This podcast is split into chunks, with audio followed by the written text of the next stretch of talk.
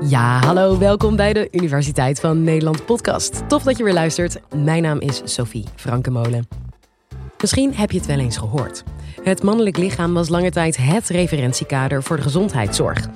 Hoe hebben vrouwen hier vandaag de dag nog last van? Je gaat het horen van onderzoeker Aranka Ballering van het UMC Groningen. Geniet ervan. Dit is de Universiteit van Nederland.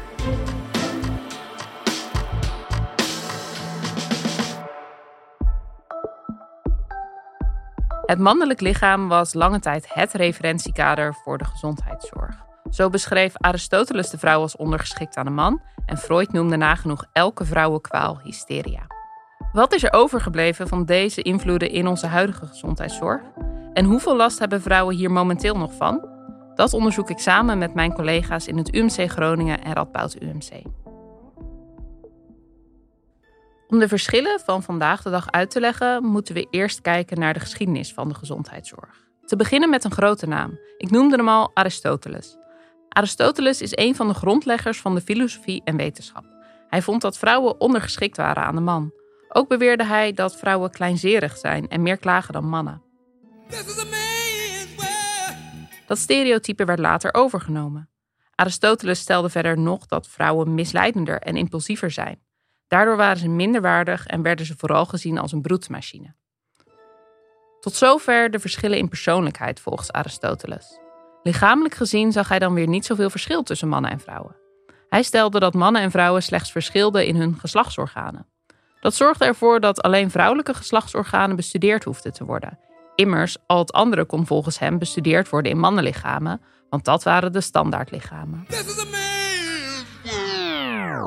De Griekse arts Hippocrates, die je misschien kent van de eed die artsen afleggen, en filosoof Plato, die de leermeester van Aristoteles was, stelde dat de baarmoeder verantwoordelijk was voor lichamelijke en psychische klachten bij vrouwen. Volgens hen kon de baarmoeder wandelen in de buikholte. De richting waarin de baarmoeder zich zou bewegen zou gelinkt zijn aan de klacht. Het omhoog bewegen van de baarmoeder richting het hoofd zou bijvoorbeeld voor hoofdpijn zorgen. Dit idee duurde voort tot de middeleeuwen.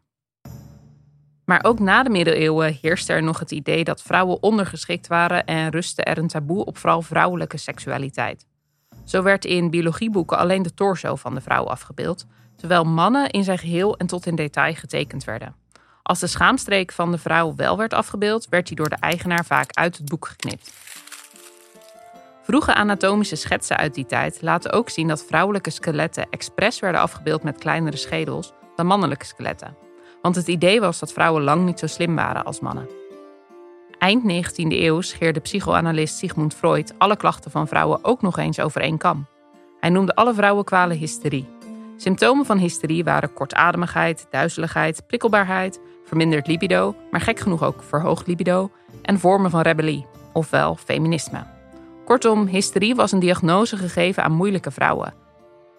Hysterie was onder andere iets voor vrouwen die een mening hadden die niet strookte met de toenmalige tijdsgeest.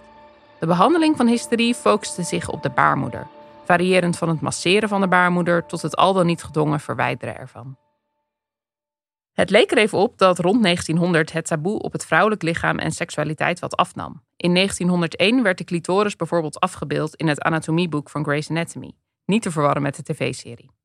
Maar halverwege de 20e eeuw nam het taboe weer toe. In de editie van het boek uit 1948 was de clitoris weer verdwenen. Oké, nu je dit alles hoort, vraag je je misschien af wanneer dan het echte goede onderzoek naar vrouwenlichamen begon. Dat gebeurde pas rond 2000. Toen kwam er in Canada een groter besef dat vrouwen ook de helft van de wereldbevolking zijn, dat zij veel actiever onderzocht moeten worden en hun resultaten ook serieus genomen moeten worden. Sindsdien gaan we in de goede richting, maar er is ook nog een lange weg te gaan.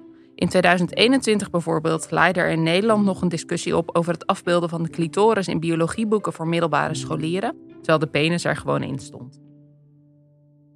Welke verschillen zijn er nou vandaag de dag nog als we kijken naar de gezondheidszorg voor mannen en vrouwen? Nou, die verschillen kunnen we opdelen grofweg in twee groepen. De verschillen gelinkt aan biologie en de verschillen gelinkt aan gender. Laten we beginnen met de biologie, het geslacht. Dit lijkt misschien heel vanzelfsprekend. Er zit iets anders tussen de benen, dat maakt ons anders. En dat geeft risico op andere ziekten. Denk bijvoorbeeld aan baarmoederhalskanker of prostaatkanker. Maar niet enkel wat we met het oog kunnen zien verschilt. Zo hebben mannen en vrouwen bijvoorbeeld een andere vetverdeling. Dit verschil heeft een effect op de opname van medicatie. Er werd lange tijd gedacht dat wanneer een man van 100 kilo een bepaalde dosis van een medicijn moest krijgen, een vrouw van 50 kilo daar maar de helft van nodig had. Maar het is ingewikkelder dan dat. Vrouwen hebben over het algemeen relatief meer vet dan mannen. Sommige moleculen van medicijnen worden beter in vet opgenomen en daardoor langzamer afgebroken. Als je in verhouding dus meer vet hebt, dan heb je minder van een medicijn nodig. Verder zijn er natuurlijk verschillen in de hormonen. Vrouwen werden tot 20 jaar geleden minder actief betrokken bij onderzoek omdat hun hormoonwaarden door hun menstruatiecyclus op en neer schommelen. Omdat iedere vrouw op een ander punt in de cyclus zit, verschillen de hormonen tussen de proefpersonen en dit kan de resultaten beïnvloeden. Tegenwoordig weten we hoe we die cyclus uit de onderzoeksresultaten kunnen filteren. Daarnaast weten we nu ook dat mannen ook te maken hebben met verschillen in hormoonlevels door de tijd heen. Ook komt er steeds meer openheid over het geslacht van proefdieren en of de biologische materialen die men gebruikt in laboratoriumonderzoek van vrouwen of mannen afkomstig zijn. Het is belangrijk dat beide geslachten onderzocht worden bij proefdieren, zodat de resultaten ook te vertalen zijn naar mogelijke verschillen tussen mannen en vrouwen bij de mens. En dat is belangrijk, want ziektes komen soms ook anders tot uiting bij mannen en vrouwen. Google bijvoorbeeld maar eens naar hartinfarct. Dan vind je grotendeels afbeeldingen van mannen die naar hun borst grijpen.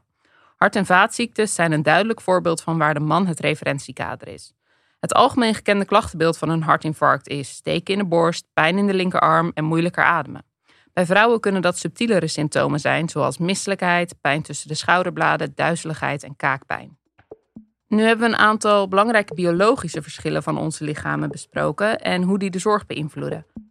Maar ook de manier waarop de maatschappij betekenis geeft aan de termen man en vrouw, de zogenaamde genderverschillen, zorgen voor een verschil in de zorg die je krijgt. Uit onderzoek blijkt dat vrouwen bijvoorbeeld van oudsher een meer zorgende rol in onze maatschappij hebben. Wanneer hun kind of iemand in hun omgeving ziek is, zijn zij vaak degene die die persoon meeneemt naar de huisarts. Zo krijgt ze zelf vaak wat makkelijker een vertrouwensband met die arts. Zo wordt de drempel om met een eigen kwaal langs te komen lager. Hierdoor stappen vrouwen over het algemeen vaker naar de huisarts. Maar ook hier moet je de invloed van geslacht niet uitvlakken.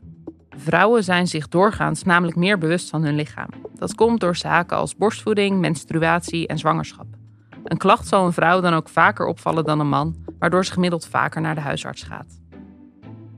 Daarentegen wordt er van mannen vanuit de maatschappij verwacht dat ze maar gewoon op hun tanden moeten bijten en met de kwaal moeten blijven rondlopen tot het weer overgaat of tot er wel echt een keer naar gekeken moet worden. Terwijl het voor vrouwen wat meer sociaal geaccepteerd is om pijn te uiten. Doordat vrouwen eerder naar de huisarts gaan, krijgen ze mogelijk minder vaak een lichamelijk onderzoek, foto's, scans of een doorverwijzing naar een specialist bij alledaagse klachten. Er wordt ook gedacht dat dit kan komen door man-vrouw verschillen in communicatie naar de huisarts. Het stereotype idee is vaak dat mannen directer en eisender zijn. Ik heb deze klacht, dus ik wil dat u me nu doorverwijst. Er moet nu een scan gemaakt worden of ik wil dat er nu vervolgonderzoek gedaan wordt. Terwijl de verwachting van vrouwen is dat ze minder dominant in een gesprek zitten. Maar onderzoek aan het Radboud UMC laat verrassend genoeg zien dat er eigenlijk vrij weinig verschillen zijn in de manier van communiceren van mannen en vrouwen. Er is nog meer vervolgonderzoek nodig, maar wellicht is deze uitkomst te verklaren omdat wij, onderzoekers en artsen, deze stereotypes in ons hoofd hebben zitten. Daarmee gaan we er misschien als vanzelfsprekend vanuit dat een man directer is dan een vrouw. Mogelijk interpreteren we daardoor dezelfde woorden bij een man en een vrouw anders en wijzen we daarom de man onbewust sneller door dan de vrouw. Er is gelukkig ook goed nieuws. De kans dat je als vrouw een verkeerde diagnose krijgt, lijkt gelukkig mee te vallen. Wel is de kans dat je als vrouw een zogenoemde symptoomdiagnose krijgt een stukje hoger dan wanneer je een man bent, namelijk zo'n 6%.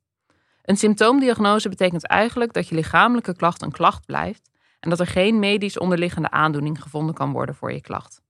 De diagnose wordt dan alleen gesteld op basis van de symptomen.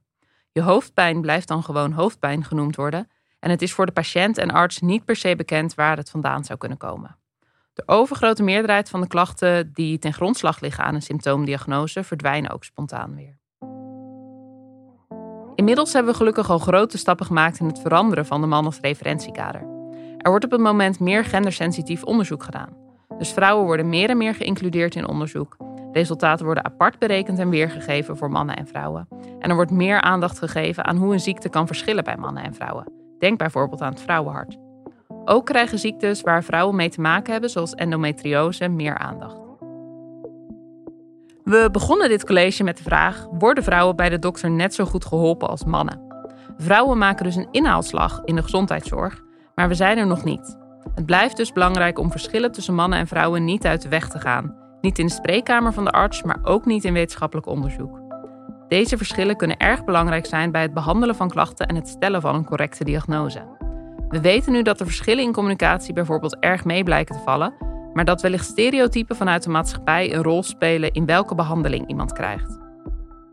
Beetje bij beetje kunnen we die stereotypen herkennen en verder doorbreken met een gelijkwaardige behandeling van mannen en vrouwen als einddoel. Dat was Aranka Ballering. En even een kleine shout-out naar de mensen die afgelopen tijd vriend van de show zijn geworden. Onwijs bedankt en leuk om jullie erbij te hebben. En als jij dat ook wil, dan kan dat. Je kan vriend van de show worden voor maar 2,50 euro per maand. En met jouw hulp kunnen wij twee keer per week een podcastaflevering blijven uitbrengen. Zodat iedereen lekker kan blijven leren van de allerleukste wetenschappers van Nederland.